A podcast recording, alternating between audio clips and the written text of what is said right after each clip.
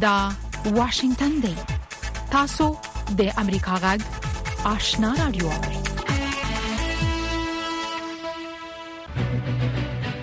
قدرمن اوریدونکو السلام علیکم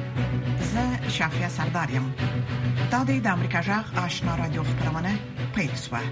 لومړی به خبرونه واوري السلام علیکم درنو اوریدونکو ستړي مشي زه زیبا خادم یم دا د امریکا غږ آشنا رادیو خبرونه ده د نړۍ د دې ساعت خبرونو ته ستاسو پام را اړوم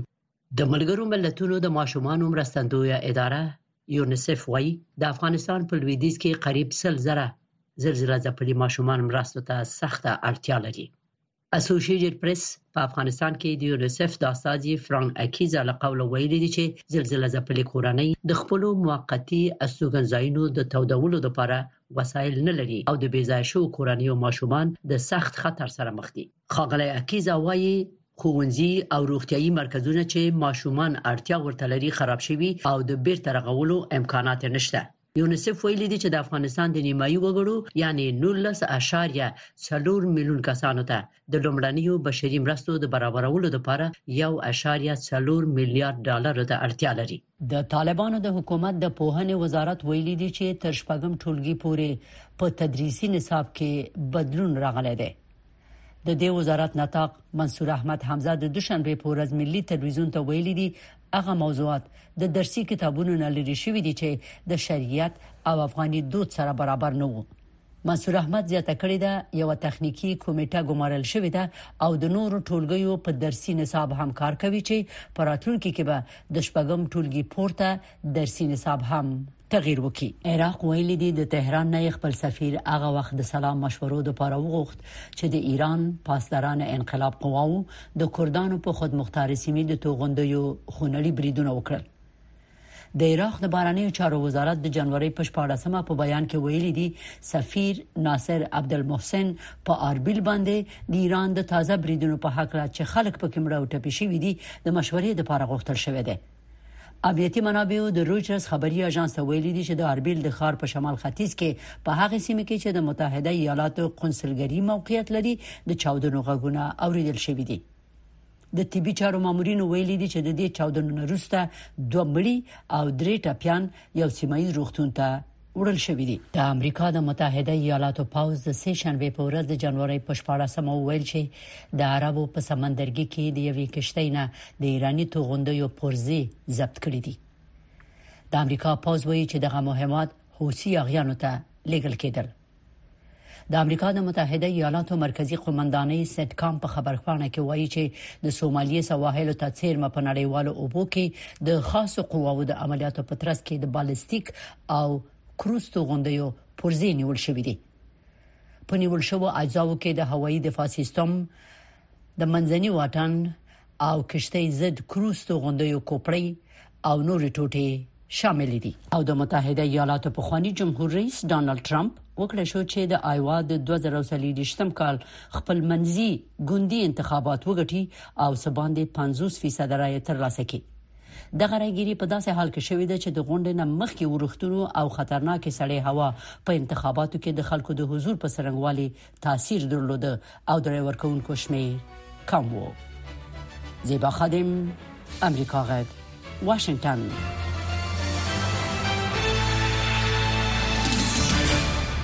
خبرونه مو د امریکا جغ آشنا رادیو څخه واوریدل قدرمن اوریدونکو زموږ په دې سهارنۍ پښتو خبرونه کې د افغانستان سیمه او نړۍ د رپورټونو ترڅنګ لومړی دا رپورټ لرو چې د تیرې شنبې د ورځې راهیسې د افغانستان او پاکستان ترمنځ د تورخم د سرحد لاره د ترانزیتي موټرو د تګ راتګ پر مخ تړلې ده د افغانستان د سوداګرۍ د خونې چارواکي وایي چې د دغې لارې د تړل کېدو وروسته د خوست په ولایت کې د غلام خان د لارې پرته د دغو دوو هیوادونو ترمنځ نورې ټولې لارې تړلې دي په دې باره کې له کابل څخه اکرام شینواری رپورت راستولی د پاکستان د حکومت لخوا د تورخم په سرحدي لار د ترانزیټي لاریو د افغان موټر چلوونکو څخه دغه هیواد ته د تللو لپاره د پاسپورت او ویزو د لرلو د شرط د خود ورسته د سې شنبه په ورځ هم د لار د سلورمې ورځې لپاره دواړو خواو ته د ترانزیټي مالونو د لیګرالیک پر مخ تړلې و د تورخم په سرحدي خارګوټي کې د طالبانو کمیسار مولوی عبدالجبار حکمت سیمه ییزو رسنیو ته ویلي چې د افغانستان او پاکستان ترمنځ د تورخم سرحدي لارې د بیرته پرانیستو لپاره د پاکستاني سرحدي مامورینو سره تر اوسه د دوی خبرو کومه پایله نه لرله د طالبانو د حکومت دغه چارواکي وایي چې پاکستاني سرحدي مامورینو ورته ویلي چې دا لارې د مرکزی حکومت د پریکړې په اساس تړلې ده د افغانستان د سوداګرۍ او پنګونې د خوني د مدیره پلاوی غړی خانجان الکوزی وایي چې د افغانستان او پاکستان ترمنځ ټول لارې د ترانزیتي مالونو د لیګرالیک پر مخ تړلي دي. د تورخم لاره خو نن تقریبا څلورمه ورځ ده چې د ترافیکو په مخ بنده ده او په دې خاطر چې دوی پاسپورت غواړي او ویزه غواړي او هغه افغاني دغه ډریورانو سره نشته دی او پاسپورتونه مشکلات دي بولدک لار خلکو بنده کړی ده نو په مکمل ډول اوس تر حد غلام خان په لار یو څه موټر زی راځي مګر په زورونو موټر ولاړ دي او هم پاکستان ته د ورځې په لکونو ډالر تاوان رسیدي هم مونږ ته میوه خرابېږي مواد خرابېږي بل دا چې زمونږ کانټینر دی باید لاړ شي بیرته کراچۍ ته شپینګ کمپنۍ ډیمریج ډیټینشن هم راځي خانجان الکوزی هم وایي چې د لارې د خلاصولو لپاره افغان سوداګرو کابل کې د پاکستان د سفارت چارواکو سره خبرې کړې خو تر اوسه لا د لار نه د خلاص شوی دا یو بدبختانه یو سیاسي مسایل کله کله راشي او بل اخر وزه خراب کی نو په دې خاطر باندې لار بنده د اوس کاملا په بازار منفي تاثیر کړی دی او نرخونه مې اندازه جګ شوی دي خصوصا د غذایی موادو د طالبانو د حکومت لخوا په اسلام آباد کې د افغانستان سفارت ته ګمارل شوی شهر زاپیر سردار احمد شکی به هم تلونیم سره په مرکه کې د دغه دوه هیوادو ترمنځ د لارو بندیدل د پاکستان د حکومت دغه شکایتونو زیږنده ګړي چې دا حکومت د طالبانو حکومت څخه لري البته چې وس کوم ستونزې رامنځته شوې دي هغه متاسفانه د پاکستان ځینې شکایت دی چې هغه له هغې امله ځکه نور اړخونه تجارت و د خلکو راشه درشه ټول متاثره کړي دي زه امید لرم چې دغه کې باید دواړه اړخونه افغانستان او پاکستان دواړه کوشش وکړي چې د اړیکې ښې شي ښاغلي شیقي په دغه مرکه کې د تحریک طالبان پاکستان ډلې ټي ټي پي ته په افغانستان کې د پناه ځایونو د ورکولو ادعا رد کړه ویل چې حکومت یې د پاکستان د حکومت او د تحریک طالبان پاکستان د ډلې ترمنځ منځګړیتوب ته خیر په زیات کړو او دا په دې معنی نه ده چې طالبان د چا په چارو کې لاس وهنه کوي او یا د غوي پالنه کوي او یې ساتي هغه ویل چې دا څنګه ده شوی د سیاسي چارو یو پاکستاني کارپو او د یو ټي خبر تلویزیون خبريال د تورخم او د نورو سره دی لارو بندیدل یو سند رژیم په نوم د پاکستان د حکومت د کړنلاري د عملی کېدو لامل ګڼي او چې پاکستان به دغه کړنلاري د عملی کېدو پورې د لار بیا پرانیزي کومې پورې چې د ویزې تعلق ته کومې پورې چې په پاکستان ته دراتلو د پاسپورت دغه دی د باندې زمانه د خیال چیرې پاکستان د دې خبرې نه رسټو شي لکه تاسو قتل په چمن سپین بلدک بارډر باندې د 1300 میاشتو نه چې کوم دی خلک ناشته او غوي پرلت لګولې دي او حکومت دا غوي یوې مطالبه د کوم دی وسپورې سره خبرې مو سره نه کوي دغه شانتي انګور اډې باندې حالات دغه شانتي دي نو چمن د خاص کر تورخم چې کوم دی نو دې باندې ما په خیال پاکستان اوس دا ایز ریاست چې کومه فیصله کړې ده ګورنمنت چې کومه فیصله کړې ده هغه دا دی چې بغیر پاسپورت به یا بغیر د ویزې نه بچ کوم دی مونږ دلته کې چاته اجازه نه ورکو انکلوډینګ افغان پاکستان حکومت د تیر 2023 کال د نوامبر په میاشت کې پریکړه وکړه چې د دې وسه افغانان د پاسپورت او ویزې پرته دغه هیواد ته داخلي دوه اجازه ورنکړي یو سند رژیم په نوم دغه کړنداري هدف پاکستان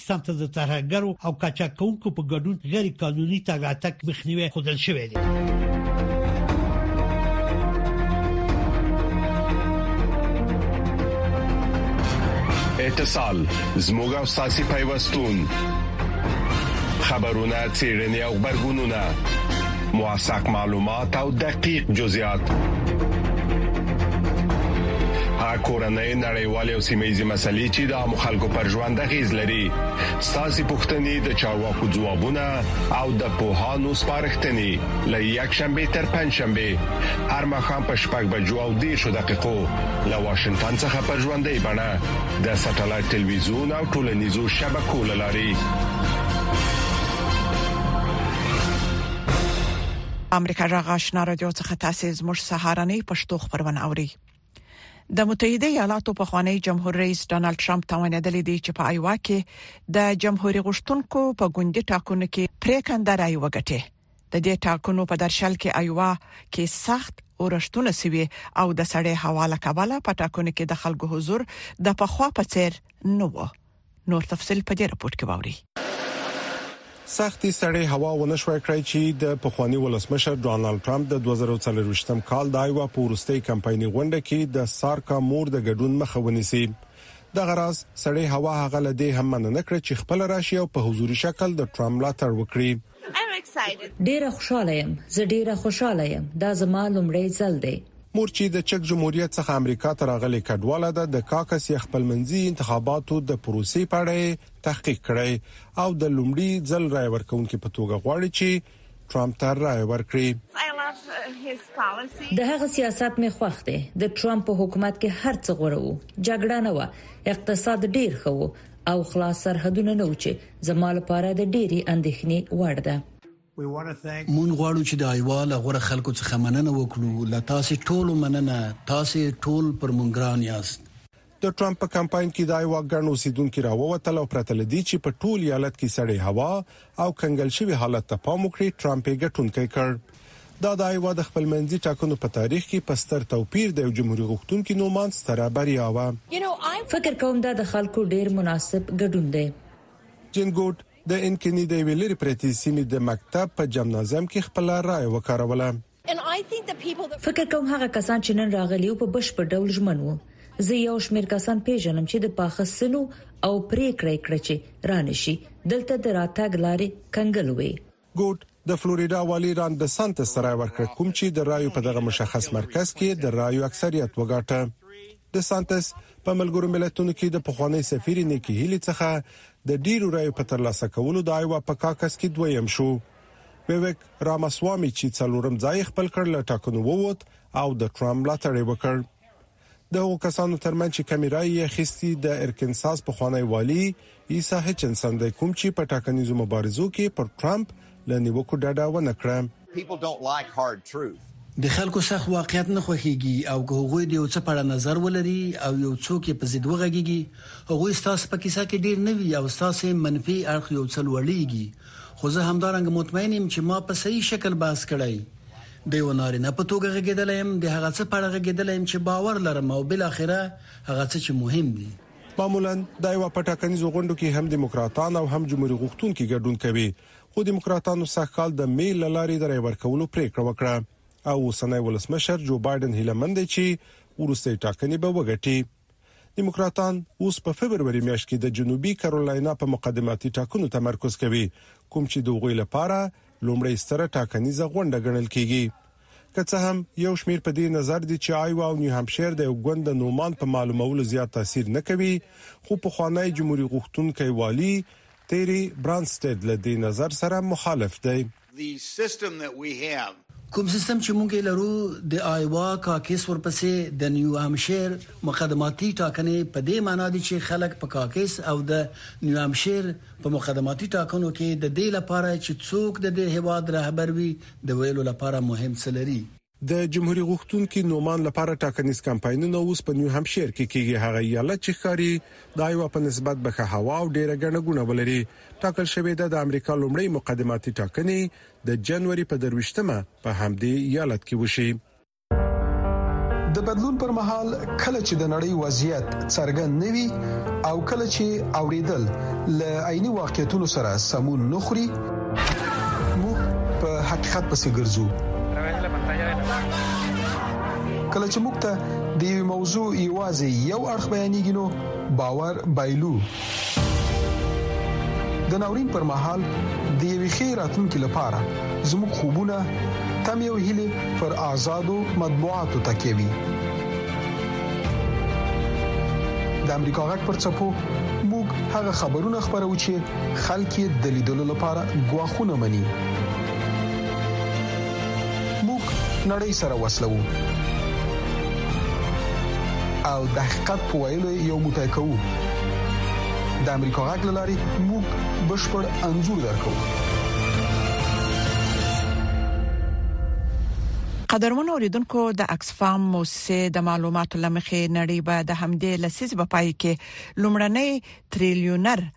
هم ولري د اکسفام موسسه خبرداري ورکوي چې نړیوال نا انډول توپ چټکۍ مخ په زیاتېدو دی د نړۍ لسګونه رهبران او د نړیوالو موسسو مشران په سویس کې د داوس د اقتصادي سرمشريزي لپاره راغونډ شوي دي پام وکړئ په دې حق له د امریکا جغ د خبريال هنري ریجول د رپورت پښتو ژباړه ده د بلو اوریجن په نوم د فضایي ماموریت کمپنۍ د امازون د بنسټ ایښودونکي او خاوند جیف بیزوس د پانګونو له ډلې یوه ده. د فوربس شبکې د معلوماتو د مخې جیف بیزوس د نړۍ دریم تر ټولو ډیر شتمن دی. د اکسفام مؤسسوي د بیزوس او د نورو میلیاردرانو شتمني په چټکۍ زیاته شوې په داسې حال کې چې د نړۍ اکثریت خلک ورځ تر بلې بې وزله کېږي. د نړۍ پنځه تر ټولو شتمن کسان ټول نارینه دي او باید ووایم چې د دوه زره شلم کال وروسته په دې لسیزه کې د هغوی ګټه دوه برابره زیاته شوې ده او دا تر ټولو شتمنو کسانو څخه دي. خو له بلې خوا پنځه میلیارده خلک نور هم بې وزله شوي دي. د اوسنۍ محاسبې له مخې نړۍ به لومړنی تریلیونر هم په دې لسیزه کې ولري، خو د فقر او بیوزلۍ له منځه وړل به تر دوه پیړیو پورې موده ونیسي. د اکسفام په وینا، د نړۍ اقتصاد یو نوي پړاو ته داخل شوی. او په دې کې لوی شرکتونه ډېره شتمني جوړوي، خو تر څنګ یې زموږ اقتصاد به هم کنټرولوي، چې د څو ډېرو شتمنو په لاس کې به وي. بیزوس او نور بیلونران وایي د دوی شرکتونه مالیه او کارونه رامنځته کوي. د آکسفام راپور په داسې وخت کې خپور شوی چې د نړۍ مشران او رئیسان د دوشنبې په ورځ د سویس تفریحي ځای داوس ښار ته رسیدلي دي چې د نړۍ د اقتصادي شورا په غونډه کې ګډون وکړي. خو په دې غونډه کې ډیره پاملرنه په منځني ختیځ او اوکراین کې جګړو ته شوې ده. یوه بیلګه یې د ډاوس ښار په زړه کې د یو نندارتون جوړول دي چې د روسیې د یرغل له امله د خلکو کړاوونه او رنځ ګالل پکې ښکاري. اوکراین مرسته اړتیا لري. اوکراین هر ډول مرسته اړتیا لري. وسلې ځکه پکار دي چې بری ترلاسه کړي، نه یوازې د اروپا د ازادۍ دفاع وکړي، بلکې د خپلې بقا دفاع هم وکړي. ټاکل شوې چې د اوکراین جمهور رئیس ولادیمیر زیلینسکي همدا اونۍ دغې غونډې ته وینا وکړي او داسې احتمال هم څرګند شوی چې ممکن د چین د صدراعظم لي کیانګ سره هم لیدنه وکړي چې د مسکو مهم ملګری دی. د ډاووس په غونډه کې به د نړیوالو پورونو او سود پر اندازو خبرې هم وشي، ترڅنګ یې پر نوو اقتصادي فرصتونو او ستونزو هم غږېږي او پر مصنوعي ځیرکتیا به ځانګړی بحث ولري. زما په نظر دا مهمه ده چې د ښو فرصتونو په هکله فکر وکړو، په دې اړوند ډېرې خبرې نه دي شوي، خو فکر کوم تاسو به ډېر ښه شیان په راتلونکي کې وګورئ چې د مصنوعي ځیرکتیا په وسیله تولیدېږي، په دې هیله چې خلک یې هېر نه کړي یا دغه کار ته په کمه سترګه ونه ګوري. منتقدین وایي د ډاووس غونډه یوه غیر دیموکراتیکه غونډه ده چې د نړۍ د اشرافو لپاره جوړیږي خو ملاتړي یې وایي په دې مخ په زیاتیدونکي متفرقه او نامعلومه راتلونکې نړۍ کې داسې غونډې لکه په ډاووس کې چې کیږي ډېرې مهمې دي طالبانو د افغانستان له دننه د امریکا غاګ راډیو خبرونه درولې دي خو امریکا غاګ په پوره شمنتیا خپل افغان اوریدونکو ته په پښتو او دری ژبه د کاره باوري او هررخیزو خبرونو په خبرولو د افغانستان له بهره په 902 کیلو هرتز منځنوي سپو خپل خبرونه ته دوام ورکړي د دې ترڅنګ تاسو کولی شئ چې زموږ پښتو خبرونه په لاندو چپو هم واورئ پښتو سهارنې خبری خبرونه پر 2290.0 سپو اوریدل شي ما خبرنې پښتو خبرونه په 2140.0 2015.0 9015.0 14590.0 میگا هرتز لاندو چپو اوریدل شي سپینه خبره یا رکو را خبرونه په لاندو چپو 2015 او یا اشاریه 0 میگا هرتز د نن او وضعیت یا روایت امروز خبرونه په لاندو چپو 2140.0 9915.0 او ستاسو غږ یا صداي شما خبرونه پر لاندو صفو 2015.0 نهه زره درې سوه پنځه پنځوس میګا هرتز اوریدلای شئ. امریکا جغ آشنا رادیو څخه راپورټونه ته دوام ورکوه د افغانستان او پاکستان ترمنځ د تورخم دروازه پرون په څلورم ورځ هم تړلې و د دروازې دواړو غاړو ته په سلګونو لاري ولاړې دي سوداګر خبرداري ورکوي چې میوه او سبزیجات د خوسا کېدو په حال کې دي نور حال زموږ د همکار خدای نور ناصر پر پورت کې ووري څاڅکي څاڅکي د خرابېدو په لور دا هغه په مالټو بار لارې دي چې که یې څو ورځې لا دلته وسی پروت مال به پکې ټول خراب سي د تورخم دواړو غاړو ته ولاړې دغسې په لسګونو کانټینرې دي چې په میوو او سبزیو بار دي او ویره شته چې ښایي ټول همدلته خراب شي.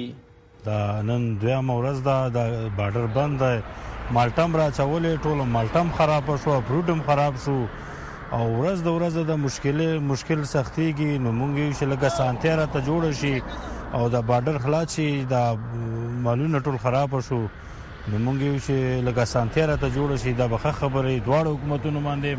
غاګ دی چې مهرباني وکړي دا بارډر خلاص کړي دا سبزی او فروټ او دا نور خلکو ته تکلیفونه دي مالټه برا چولې دا نن پنځم ورځ د چولاړیو نه دې غاړې نه پریدیم نه او دغه پاسپورټ او ویزې غواړي پاسپورټ او ویزې موږ سره کم دي چې موږ یې ورته ورکو مال خو ډیر زیات خراب دی مال خو نور تقریبا د غورځیدلو دی نه دلته د او د سونو زه نه چرته د سکلو د وبو نه چرته د خوراک څښاک د غشته ده او خلک ډیر زیات ستوندو سره مخامخ دي مالک وایی چی لاره دی الله اوس خلاصه کی چی خلاصه نشی دا خو د هغی غریب ډیر غټ نقصان د هغی هم دی او زمونږ هم دی ځکه چی مونږ ته کری نه ملاویږی د دی مال هم راوړی دی مال دغه دی پروت دی پوه شو ګاډی کی او مالونو نه اوبه روانه دی ښکته بس مالونه نه دغه کیږی پاتی کیږی نه یا به چرته غورځو ورته یا به مالوالا ته به خو چی دغه مالونه دی دی سره څه وکړو پوه شو د دی مونږ ته یو روپی هم نه ملاویږی د دي بند ولاړو کانټینرو چلوونکي د پاکستان او افغانستان له دواړو حکومتونو ناهیل ښکاري او غوښتنه کوي چې باید د هرې ورځې دروازه تړل کېدا نور پای ته ورسوي او حل لاره یې راوباسي. مالټم بار کړې ده، چا بینډۍ بار کړې دي، چا ټماټر بار کړي، چا کیله بار کړې ده او نن څلورمه، پنځمه، ورځ ده غونډ مالونه خراب شو. پرابلم د دواړو حکومتونو دی خپل منځ کې دی ورسه کینی پوه شي او سوله پند را دی راولي موږ له د شناختی کارت او پاسپورت ځای وښیي موږ به په منډه ورشو یا ځای به پیدا کړو یا به څوک راوښیي یا دې د ارزي تور باندې یو کارت را لراکې هم دا د پاکستان حکومت د ګاډي لمبر به پې لیکلی چې پلان معلم او د ګاډي لمبر پلانې او د کلینډر په هغه لمبر باندې دی بل چا له کارت نه ورکوي د ګاډي خو یو لمبري دوه لمبري خو یې نه یي که نه یو لمبری که یو کس خوشی کوي که دوه خو چې موږ له دوه خوشی کړي موږ به خوشحاله یو. هلته په تورخم کې سرچینې وايي، د دواړو هېوادونو د ځايي چارواکو ترمنځ د دروازې د خلاصېدو په هکله وروستۍ غونډه بې نتیجې پای ته رسېدلې، خو دواړو لوریو بیا هم د مذاکراتو د جاري ساتلو هوډ څرګند کړی دی.